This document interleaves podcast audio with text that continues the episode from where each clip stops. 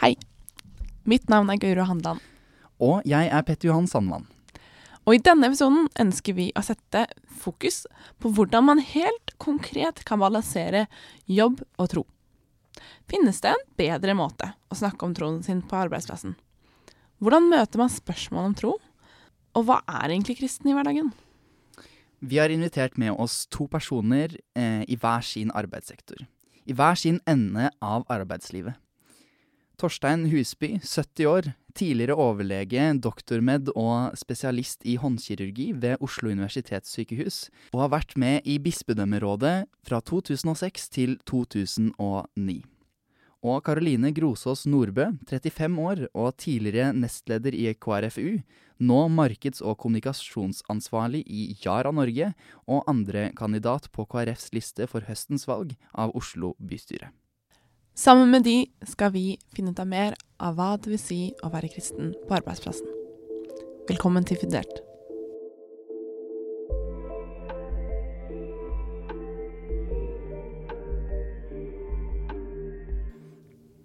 Karoline og Torstein, velkommen hit. Takk, hyggelig Takk. å være her. Mm. Dere to er mennesker vi ser opp til i måten dere lever med troen på jobben, samtidig som dere er villige til å snakke om verdier dere har i offentligheten. Karoline, hva er det du gjør konkret for å liksom holde på troen din i alt du står i? Eh, jeg tenker egentlig først at eh, det er umulig å la være. Eh, for det å være en kristen er jo en del av min identitet. Det er en del av meg som menneske. Så det å si at det skal jeg legge bort, det ville vært for meg umulig. Eller da Det ville vært krevende, rett og slett.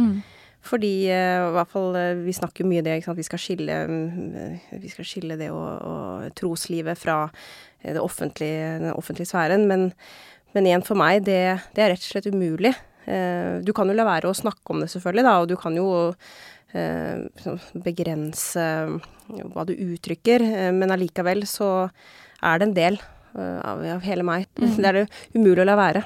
Men når du sier at vi snakker om å skille troslivet og eller det private og det offentlige, hvem er det du snakker om da? Nei, det er jo spesielt politikere snakker mye om det. At uh, vi skal mer og mer sant, skille eh, stat og kirke. Og jeg kan for så vidt på mange måter være enig i det. At sant, vi skal ikke blande religion for mye i alle institusjoner. Men allikevel det å, å ha et trosliv, uh, og ha, et åndelig liv, det trenger ikke bare være kristen, men for mange så er det så viktig. Sånn at det f.eks. å å ta, ta vekk sykehjemspresset, da. Det, ikke sant? For noen så tenker de ja, men det er jo ikke noe problem, for troen hører jo ikke til det og når du skal på et sykehus og operere. Men for andre så er det livsviktig nesten å ta med seg troa når du opplever en krise. Hva med deg, Torstein? Hva motiverer deg til å praktisere tro, eller tro på arbeidsplassen? Nei, jeg følger Karoline veldig på dette her. Altså, troen er en del av mitt eh, DNA, det må jeg si. Selv om det periodevis kan ha vært ganske fjernt, det må jeg innrømme, og periodevis så må man bruke litt disiplin for å holde gudsbevisstheten oppe da, i hverdagen, i perioder hvor det kan være tøffe tak. Så noe disiplin tror jeg nok man trenger. Eh, Jeg er jo kirurg, og eh, det er klart, eh, du går ikke med gudsbevisstheten helt oppe i pannebrasken absolutt hele tida. Det finnes jo perioder i, i en arbeidssituasjon hvor det er helt andre ting som skal være i bevisstheten. Eh, Når blodspruten står i taket, så tenker jeg ikke på Gud. Da tenker jeg kun på ok, her skal man stoppe denne blødningen. Eh, Jeg kaller det faseveksle. Eh, Jeg går ut og inn av litt rom, eh, men som helhet så er det likevel et fellesrom hvor gudsdimensjonen som motiverende kraft i livet mitt er dominerende.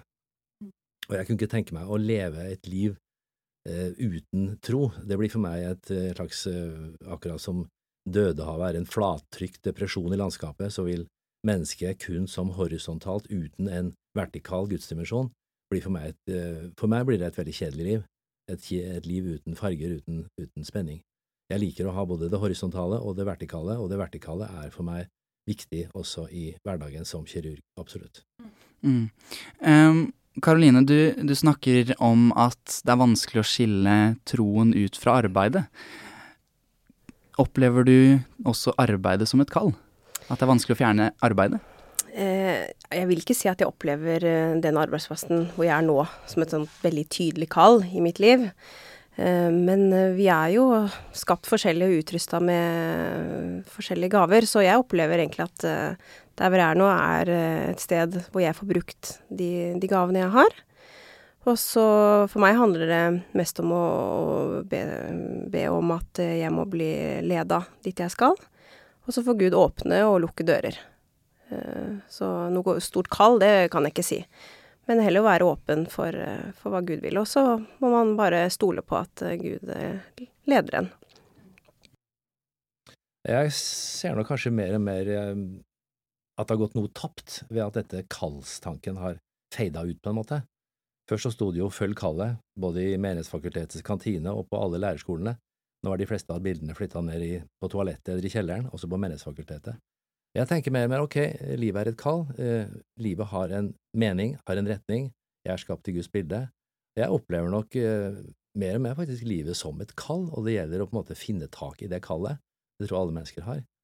Um, jeg tror at det er viktig, rett og slett. Uh, jeg er objektet som Gud leder gjennom et kall i min egen hverdag, og det kallet tror jeg faktisk er en del av eh, hverdagen min også. Jeg opplever det sånn. Det er bare et spørsmål til Torstein da, for jeg husker jo fra liksom, typisk etter bibelskole og de eh, etter videregående hvor alle tenker på hva skal jeg bli, og jeg husker det var mye diskusjon eh, og sant, mye frustrasjon blant, blant venner og bekjente og hva er mitt kall i livet, og at det var mange som og jeg opplevde det som litt tyngende, da. Så jeg Men jeg opplevde at mange også har liksom sittet stille i båten og ikke gjort noe i livet sitt, for de sitter og venter på dette kallet.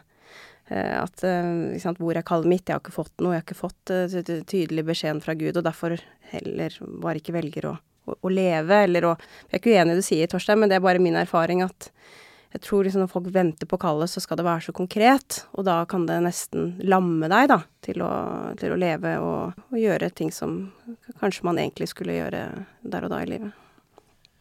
Nei, Det jeg sa kan misforstås absolutt, og det er veldig bra du kommenterer det. Eh, min svigerfar var mitt store forbilde. Han søkte aldri en jobb, han, han bare gikk på en måte i de tingene som, som, som utfordringen som kom. Jeg tenker at eh, det å bli rolig for ting er et uttrykk som han ofte brukte. Jeg ble rolig for å gjøre det sånn. Det er ikke mer mystisk enn det, altså, tenker jeg. Eh, du jobber med ting, du ber om ting, du gjør det du kan, og så blir du rolig for en avgjørelse.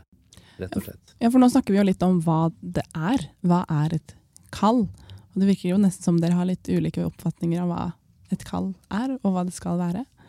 Hva tror dere er en sunn tilnærming til kall? Jeg tror det kan være forskjellig fra, forskjellig fra, person til person. For jeg kjenner mennesker også i min familie som har et ganske konkret kall på, på hva de skal gjøre, og Gud har vært veldig konkret. Og så har jeg en av disse andre vennene som har vært frustrerte og venter og ikke sant, ber, og så får de ikke noe kall. Så jeg tror at uh, Gud taler til oss på så mange forskjellige måter. Jeg tror ikke alle kan forvente å få den konkrete skriften på veggen. Noen får heller den roen som, som Torstein nevner. Vi kan se det motsatte. altså Det moderne mennesket har jo absolutt ikke noe kall. ikke sant? Der er det selvrealisering, og du har selv ansvaret for ditt liv, gjør det beste ut av det, finner beste utgave av deg selv. Er det mindre stressende? Jeg tror ikke det. Jeg tror faktisk det er mer stressende. Jeg tror det er mer ensomt, og det er mer elitepreget. Elitene klarer det. Eh, de som faller igjennom, klarer det ikke. Jeg tror det å overgi sitt liv eh, i en, en, si, en større fortelling, som Guds fortelling, er frigjørende på den måten at du kan slappe av. Ok, der er en plan med mitt liv. Istedenfor å prøve å rase rundt for å finne seg selv, grave i dybden for å finne gullklumpen i mitt indre, så er det å bli funnet, da, er å finne seg selv. Det er veldig frigjørende, egentlig, og veldig, veldig fellesskapsbefordrende, tenker jeg, i motsetning til det moderne mennesket som kaver og kaver for å skape seg selv på en eller annen måte. Mm. Det støtter deg, Torstein. Det syns jeg var godt beskrevet av uh, hvordan det er å leve i dag. La oss ta tilbake til arbeidsplassen og arbeidet dere gjør. Når dere møter spørsmål om tro på arbeidsplassen, hva, hvordan svarer dere det? Nei, det jeg opplever er at det er mange som, eh, som syns tro er en eh, privatsak. At det er mange som ikke er interessert i å prate om tro. Eh, og jeg opplever for min del at nå jeg tror jeg de fleste vet at jeg er kristen. Uh, både fordi de vet uh, hvilke parti jeg har vært aktiv i, og da tar de det som en selvfølge. Men med mer det at det å være tilgjengelig, eller at man De vet hvor jeg står. At man må være tydelig på det. og så dukker det opp kanskje ikke helt når du venter det. Men jeg opplever at Jeg kunne gjerne tenkt meg å prate mer om tro enn mange av mine kollegaer, men, jeg, men de syns det blir for privat, da. Eller det er mange som syns det blir ubehagelig, da. Men igjen, jeg ser jo at plutselig så når det kommer sykdom, eller når det er eh, noen som har opplevd noe, eller vanskelige ting, så da blir folk mer åpne for å snakke eh, om troen sin igjen. Så det å være tilgjengelig, da, selv om det kan jo romme mye, det opplever jeg kanskje det, det, beste jeg kan være. Nei, jeg, jeg opplever at, eh, at, det er egentlig et, et veldig sug etter å snakke om tro rundt lunsjen og på vaktrommet på sykehuset, for eksempel. Folk syns det er spennende å snakke om det, og jeg tror det er altfor mange som er forlegen, eh, for ikke å si feig, manglende mot, når det gjelder å snakke om troen sin. Det kan være enkle ting, ikke sant, hva har du gjort i helga? Du har vært på kino, vært på flott skitur osv., men det å ta frem at du har vært på en fin gudstjeneste, det kan være spennende, og det kan uh, føre til utrolig spennende samtaler. Um, og det er morsomt, syns jeg, som eldre doktor, da, så, så, har jo mange kolleger og yngre som jeg vet er kristne, og som jeg vet sliter med med mot, da, med, med forlegenhet for å, for å, flagge troen sin, rett og slett. Og Da kan det være en hjelp for de også å ha noen eldre med litt pondus og litt autoritet, som de ser ok, når han tør, så kan jeg tørre også, og så har man spennende samtaler i gang. Det begynner jo ofte med et etisk problem, ikke sant, og så kommer da samtalen inn på mer dype, trosmessige, eksistensielle ting etter hvert. Men min erfaring er at jeg sliter ikke med frimodighet, det har jeg aldri gjort, og det er greit nok, jeg sliter med andre ting. Men de samtalene du får til der, syns jeg er utrolig morsom. Og det er morsomt å se på lunsjrommet og si ok, nå kommer Torstein, nå må vi få til en skikkelig samtale her, og så er man i gang med et eller annet, eh, gjerne dagsaktuelle ting fra, fra trosfronten, enten Dagsnytt 18 eller hvor det har vært oppe et eller annet. Kan jeg spørre deg, Torstein, hvor, har det vært sånn hele tiden, siden du var ung doktor? Mm, jeg slet nok kanskje litt mer, men jeg har nok vært i den frimodige siden ganske siden turnuslegetida. Ja, jeg har nok det. Uh, ifølge min kone i hvert fall så har jeg vært i overkant der. Men det, det er ikke for å skryte av det, absolutt ikke. Man skal ta det på en naturlig måte. Men min erfaring er at når du flagger det, så får du utrolig mye mer spennende samtaler med folk, og det er veldig mange flere som er interessert i å snakke om sånne ting, enn det man skulle ane. Jeg sjøl invitert hjem to–tre ganger til til, eh, til overlegekolleger, hvor vi prater rett og slett om tro. Det er så eksotisk å se at, at normale mennesker som du kan tro på noe sånt som dette her. Vi må forsøke å finne ut og krype inn i huet på deg, og så har man en samtale i kveld, bare to stykker. Det går an, og jeg tror det er atskillig flere som er interessert i sånne ting enn det vi aner, altså. Bare man tør. Men tror du det er noen forskjell i deres eh, yrkessektorer? Sånn, Karoline, du jobber i næringslivet, og Torstein jobber i helse. Eh, det er jo lett å, å si det, da. At man kommer jo nærere på, eller oftere på etiske spørsmål, og sant, man møter jo liv og død eh, hver dag. Så jeg vil tippe det, men det er jo lett for meg å si når jeg sitter på andre siden. Ja, vi jobber jo med liv og død, ikke sant, og i utgangspunktet så er det jo ganske mange kristne medisinstudenter. Mellom 10 og 15% faktisk på kullene er jo dedikerte kristne, det er ganske mye. Eh, men statistikken viser jo at mange av de feider ut i løpet av turnustjenesten og i løpet av en tøff yrkeskarriere. Så poenget mitt er jo nettopp å beholde troen blant disse unge som er dedikerte i utgangspunktet. Når vi snakker om altså, flere som faller fra, er det noen ting du har opplevd som har vært vanskelig eller utfordrende når du har fått møtt enten om det er spørsmål om en tro, eller det å vise troen din? Ja, det har jeg opplevd absolutt. Eh, jeg har opplevd nære kompiser som har vært enda mer brennende i troen enn meg, som har falt fullstendig fra, og som opplever som en befrielse. Vi har fortsatt veldig god kontakt og prater masse om tro, men sånne ting er veldig tøft for meg også det tøffeste, kanskje, når man er, skal være kristen i hverdagen sånn på jobben, det, det, er hvis man kommer opp i konflikter, tenker jeg. For det gjør Karoline, det gjør jeg, det gjør alle. Hva gjør man som kristen da? Det syns jeg har vært vanskelig. Og det å manøvrere i det farvannet der har vært utfordrende. Hva er det du da har gjort? Det har vært så vanskelig eh, av og til. Eh, spesielt en episode hvor det var så vanskelig at jeg gjorde som eh, var det, Abraham og Lot. Hvor Abraham sa til Lot ok, går du til venstre, så går jeg til høyre, og går du til høyre, så går jeg til venstre. Det finnes situasjoner som er så fastlåst at jeg tror man skal gå hver sin vei. Men stort sett så prøver jeg å holde, å holde den kristne faen høyt og si ok, er det ting i denne konflikten som jeg ikke kan være med på, er det avgjørelser som er måte, helt uh, utafor det jeg kan gå med på som kristen? Og så kan det ha en pris, men da får man heller ta den prisen, og ofre det, det som det da krever i en periode. Hva med deg, Karoline? Er det noen konflikter eller vansker du ser utfordre på trosverdier eller troen din? Jeg er også veldig enig med Torstein at det er noe av det mest utfordrende, nettopp fordi at det da hele tiden kverner det ok, men eh, hvis man skal ha Jesus som forbilde, eh, er det riktig å være så tøff? Eh, er det riktig å liksom, tenke bare økonomisk i dette spørsmålet?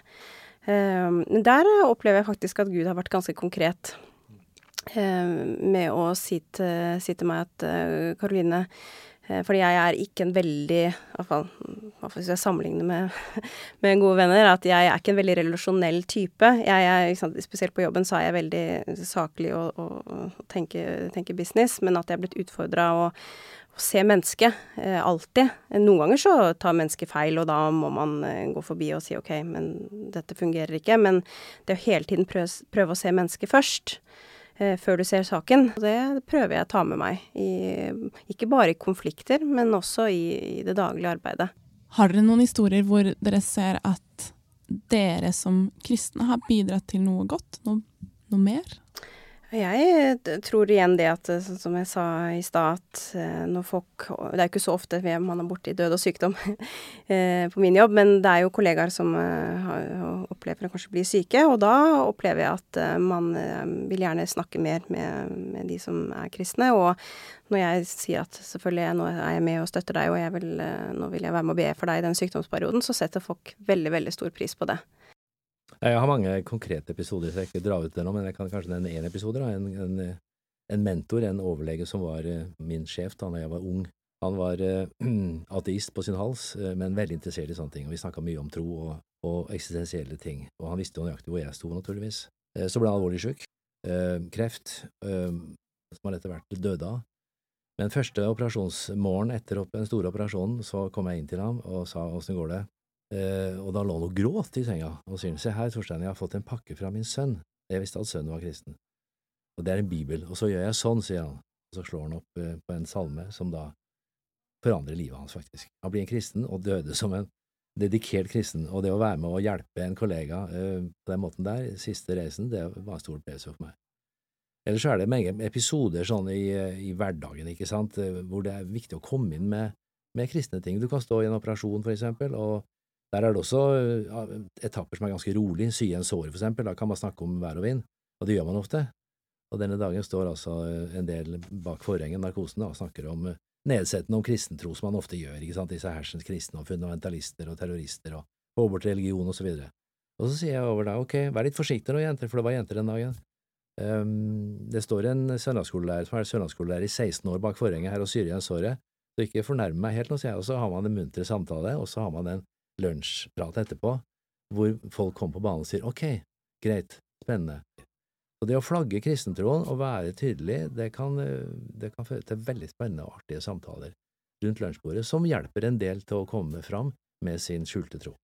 For Torstein, det du sier der, det er jo på en måte det å bryte litt ned den illusjonen folk har, kanskje, av at kristne er fundamentalister og etc. Anser du det som en slags oppgave? Absolutt. Et kall, om du vil. ja. Nei, altså, det har blitt mer og mer suspekt ikke sant, å ha en religiøs tro, for ikke å si en kristen tro.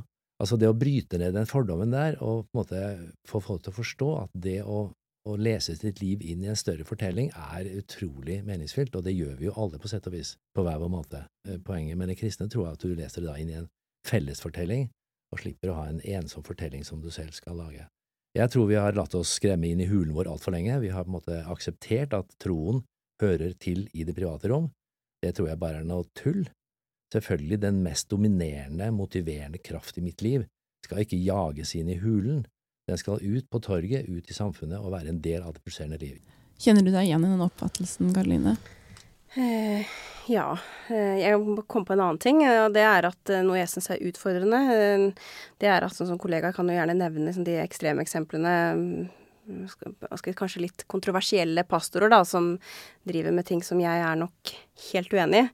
Eh, og det er jo ofte de som blir kommentert, nettopp fordi at det er de som er synlige. Eh, og det syns jeg er noen ganger litt vanskelig å forholde meg til, fordi jeg har jo blitt lært opp hjemmefra at man ikke skal snakke stygt om andre trossamfunn, uansett. Men samtidig så er det også viktig for meg å, å si at dette her er ikke jeg enig i. Så det å finne balansen der, det syns jeg er veldig utfordrende. Det, jeg har ikke funnet helt oppskriften der ennå.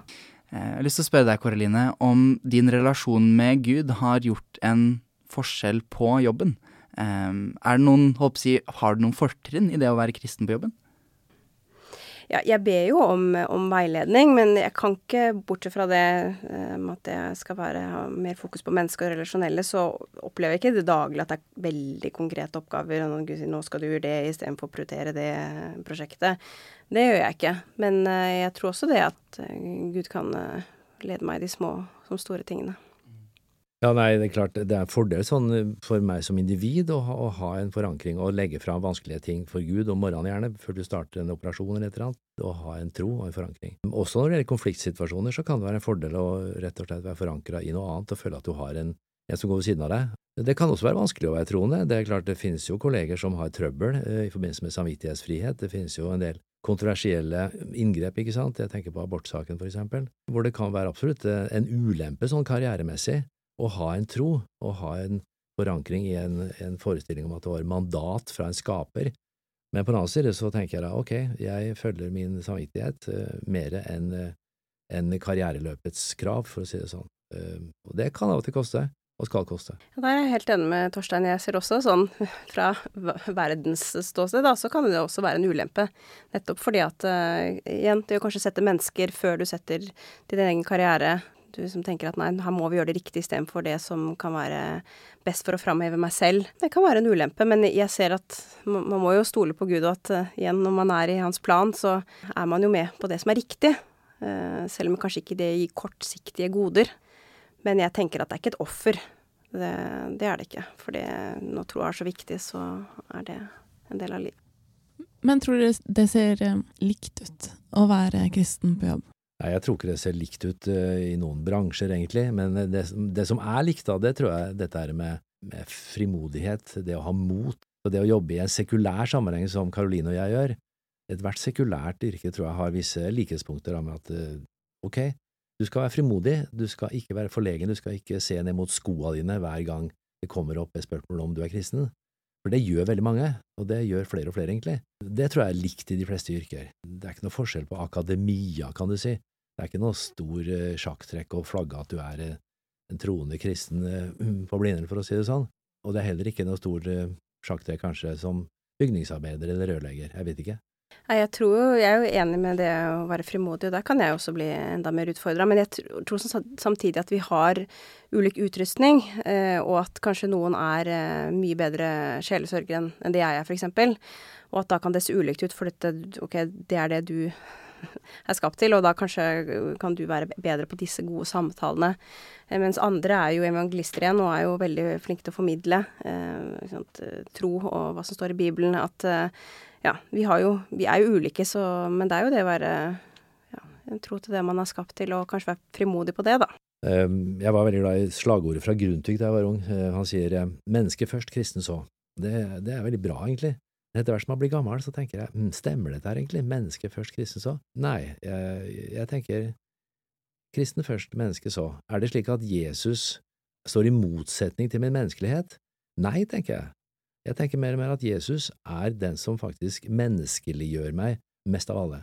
Jesus hjelper meg til å finne det sanne selv i meg sjøl, og han hjelper meg til å bli det sanne mennesket som jeg er skapt til å være. Det er ikke noen motsetning for meg mellom meg som kristen, troende på Jesus, og det å være menneske. Tvert imot. Det er han som hjelper meg til å finne en sann måte å leve på. Det kan jo være et slags tips til de som er de som ser ned i skoa hver gang noen snakker om kristendom, eller syns det er ubehagelig. Har du noen flere tips, Torstein? Humor. Ja. Uh, rett og slett humor. Få inn humor. Kom med en liten, en liten uh, ironisk hjerne. bruke episoder for å komme inn med, med, hva skal vi si, tanker om kristen tro. Men det er jo selvfølgelig som Frans av Assisi sier, ikke sant, altså um, evangeliet må forkynnes om nødvendig med ord. Men det er ikke helt sant, ikke sant? Jesus brukte jo også ord i tillegg til gode gjerninger. Men først og fremst skal du være et godt menneske, naturligvis, og være en, en god yrkesutøver. Men du skal også tørre å si ord. Det tror jeg altså er en god kristen dyd. Et triks for det, det er begynn tidlig. Ikke si at ok, når jeg blir sjef, når jeg blir topp, da har jeg autoritet og kan flagge kristentroen mer. Nei, begynn som student, gå ut tidlig på banen. Da gjør det det mye, mye enklere for resten av livet. Det er min erfaring, i hvert fall. Ja, det er jeg veldig enig i. Uh, og det, der hadde jeg en sånn lite dilemma med meg selv for en del år siden når jeg søkte jobber, for hvor tydelig skulle jeg være på alle de kristne aktivitetene jeg har vært med på. Uh, men jeg landet egentlig på at ja, hvis de skal ansette meg, så får de ansette hele meg. Og da får de ansette en som har gått på bibelskole også.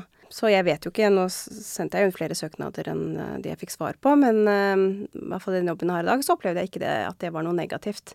Da trenger ikke jeg å være liksom, redd Oi, hvordan skal jeg fortelle de om at jeg er troende? For da, da, vet de det. Og da er det også lettere å komme inn på spørsmål senere. Men en, en, annen ting også som jeg er heldig med, det er jo å finne andre kollegaer som også som er kristne. Fordi bare det at man vet om hverandre, eh, det er iallfall en styrke eh, for min del. Um, jeg tror også man skal man skal prøve å være litt oppdatert da, som kristen og følge med i tida, for å si det sånn, slik at man ikke er svar skyldig hele tida når det kommer opp ting. Vår tro er jo ganske koherent og ganske sammenhengende, som egentlig ikke er noe antiintellektuelt som mange forestiller seg. Tvert imot, det er mye mer sammenheng, tenker jeg, i min kristne tro og livsoppfatning, virkelighetsoppfatning, enn det er i en veldig mange sekulære oppfatninger.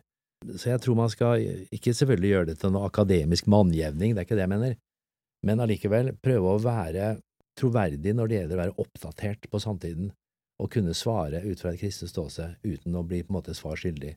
Har du noen eksempler på denne sammenhengen, Torstein?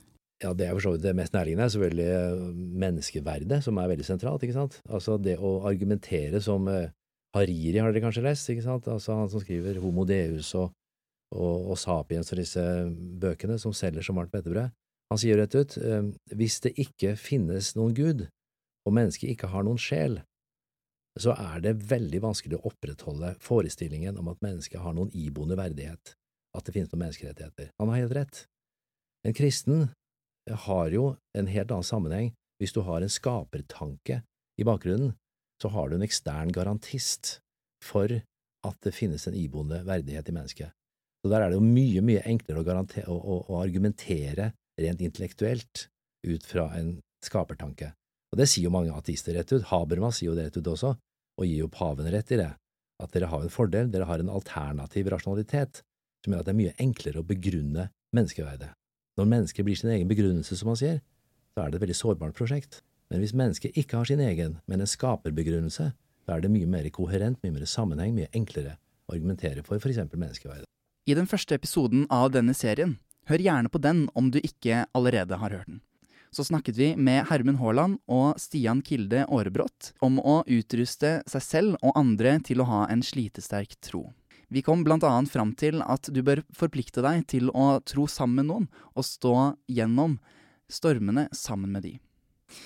Er dette noe dere kjenner dere igjen i? Hvert fall Karoline nevnte noe av dette her like tidligere. Eh, jeg er veldig bevisst på det å, å, ha en menighet å gå til, og også være trofast i den, og, og tenke menighetsfellesskap. Eh, for, det, for livet går jo opp og ned, men det å ha det menighetsfellesskapet som en det trygg base. Eh, det har jeg og, og mannen min vært veldig bevisst på at det ønsker vi å prioritere. Nei, Jeg er helt på linje med Karoline. Altså det å ha et fellesskap. og Det finnes jo selvfølgelig eremittmunker som lever i ensomhet og bønn. Det, det, er sikkert ok, det, men det er ikke meg. Altså Jeg har hatt mer felles uh, altså glede av fellesskap, uh, bønn, uh, det å komme sammen, det å, å, være på hverandre. Ikke minst når det regner på. Når man er sjuk, for eksempel. Jeg har vært satt til side flere ganger i livet, skikkelig. Og det å ha en gjeng da som du vet ber for deg morgen og kveld, og gjerne middag også, det er en enorm styrke å vite at du ikke er alene i en liten gruppe med familie, bare. Du er en stor gjeng som på en måte står sammen om ting. Det er en kolossal styrke.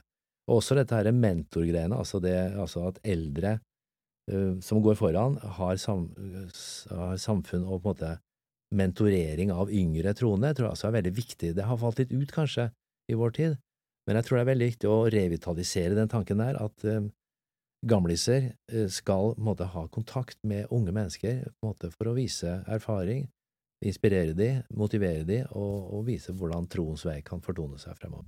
Hvis vi sier kristen samfunnsbygger, hva tenker dere da? Du kan begynne først, da. altså, jeg tenker jo først og fremst ikke ja, altså Politisk er nå én ting, um, men jeg tenker også at man skal være seg bevisst at, uh, at uh, den kristne kulturarv, da, for å bruke det der litt forslitte ordet, at det er en vesentlig del av vår uh, nasjon, og at det er viktig å holde det høyt, og at det ikke er noe vi behøver å skamme oss over, egentlig. Det er jo veldig ofte oppe til debatt nå hvor stor betydning har kristentroen hatt for vårt vestlige samfunn. Jeg tror det har hatt en enorm betydning, egentlig, ikke minst når det gjelder lovgivning. At vi på en måte som kristne skal være med å holde den arven høyt, og på en sunn måte, uten at det skal bli noe brunt grums og noe, noe høyreekstremisme av det, det er jeg livredd for. Men eh, jeg tror at det vakuumet som eh, måte, er nå, eh, nettopp fylles opp av litt sånn brunt grums, fordi vi er kanskje her i ferd med å forlate den kristne, allmenne tenkningen rundt samfunnet, rundt lovgivningen, rundt verditenkning, rett og slett. Ja, jeg igjen igjen med Torstein nå, så er vi må være samfunnsbyggere på alle arenaer.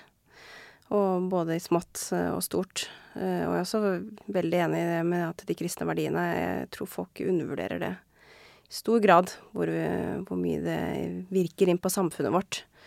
Og jeg også syns det er rart at ikke det er flere som skjønner den sammenhengen, da. At eh, det med menneskeverd, tilgivelse, det å bygge fellesskap, samfunnsansvar, det å se de svake, og ikke bare tenke profitt, men å tenke å bygge samfunn istedenfor bare meg og mitt. Det er jo noe vi virkelig ser i Norge, selv om vi ser at det kanskje forsvinner litt. Og at ikke flere ser den sammenhengen, det, det syns jeg er nesten rart. Men det er jo dit vi er på vei, og da også støtter jeg Torstein med at uh, vi må vi som ser det i sammenhengen, eller tror på dette her, må bare jobbe enda hardere for å, for å kommunisere det ut i de arenaene vi er.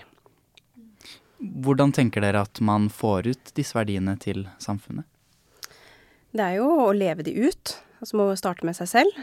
Eh, og også det som tør vært inne på, være, tørre å være frimodig på disse verdiene. Og jeg har jo gått min vei og er politisk aktiv. Det er jo sånn jeg Eller se på mitt kall, da. For å være en kristen samfunnsbygger. Men det er ikke rett vei for alle. Så det, her er det mange måter. Men jeg tenker også det hvis du forvalter mye penger, at tenk å være bevisst på ok, hvordan forvalter jeg disse pengene mine. Forvalter man talent? Hvordan forvalter jeg talentet mitt? Til eh, ikke bare beste for meg selv, men også det beste for, eh, for samfunnet og mine medmennesker. Jeg tror dette er forferdelig individuelt. ikke sant? Det er jo grenene og vintre. Vi er alle en eller annen gren da, på et eller annet tre, som er utrolig forskjellig. Eh, noen er skapt til å være toppolitiker og statsminister for den saks skyld, mens andre er, er skapt til å være på et mye enklere plan, og det er aldeles utmerket. Man får engasjere seg på det nivået som er naturlig for en sjøl, tenker jeg. Man får finne sin sin plan og sin plass i dette her, ut fra en kallstenkning. Hva er min oppgave i dette store maskineriet? Helt til slutt så vil jeg spørre, hva tror dere hadde skjedd på samfunnet hvis vi så at flere kristne var aktive i troen sin i hverdagen? Det, kunne, det er jo på mange områder. Det er jo igjen på det store bildet også. Det å skape et bedre samfunn for flere. Hvis flere følger nettopp de kristne verdiene, så, som jeg nevnte tidligere, med bare ikke tenke seg og sitt, men å tenke på fellesskapet og de svake. Ja, altså jeg, jeg tenker at uh, det å, å, være å fremstå med frimodighet i kristentroen, det gjør det mye enklere også for andre å gjøre det samme, og det gjør det mye mer legitimt å måtte flagge at man er en troende menneske. Det, det, å fortelle om et kinobesøk skal være like naturlig som å fortelle om en, en god opplevelse på en gudstjeneste, tenker jeg. Det må være akkurat like naturlig å gjøre det, og da tenker jeg at det blir at det blir en helt naturlig del av en samtale at vi snakker om de viktige ting i livet, de verdifulle ting i livet som har ikke med her og nå og hva jeg eier å gjøre, men som har med de evige ting å gjøre. Jeg ble veldig rørt da vi hadde avslutning for meg i fjor på, på, på jobben. Eh, stor middag av det hele, og eh, avdelingsoverlegen skulle takkes av. Så sier toppsjefen og sier ja, ja, nå er det Torstein som skal slutte jobben, da. da må vi nesten ha et bordvers, ser han på Ullevål sykehus. det er morsomt. Og så synger vi jo Du som etter liten fugl med alle ateistene og humanetikerne. Altså, ok, det er altså en del av oss, og det må være legitimt å dra det frem som en del av av et normalt liv. For å konkretisere det spørsmålet enda mer, eh, hvordan hadde Norge sett ut om ti år hvis på en måte de kristne verdiene var Hva skal jeg si Var de mest fremtredende verdiene i Norge? Jeg tror vi hadde sett det på mange arenaer. Eh, bare, man ser jo nå at tilliten blant mennesker synker. Og har vi ikke tillit til et samfunn, så kan jo det meste rakne. Eh, ikke sant? Da, om det bare er de små, små tingene, men også sant, på kriminalitet og Nei, jeg tror eh, vi hadde også sett at tilliten blant mennesker eh, hadde blitt høyere.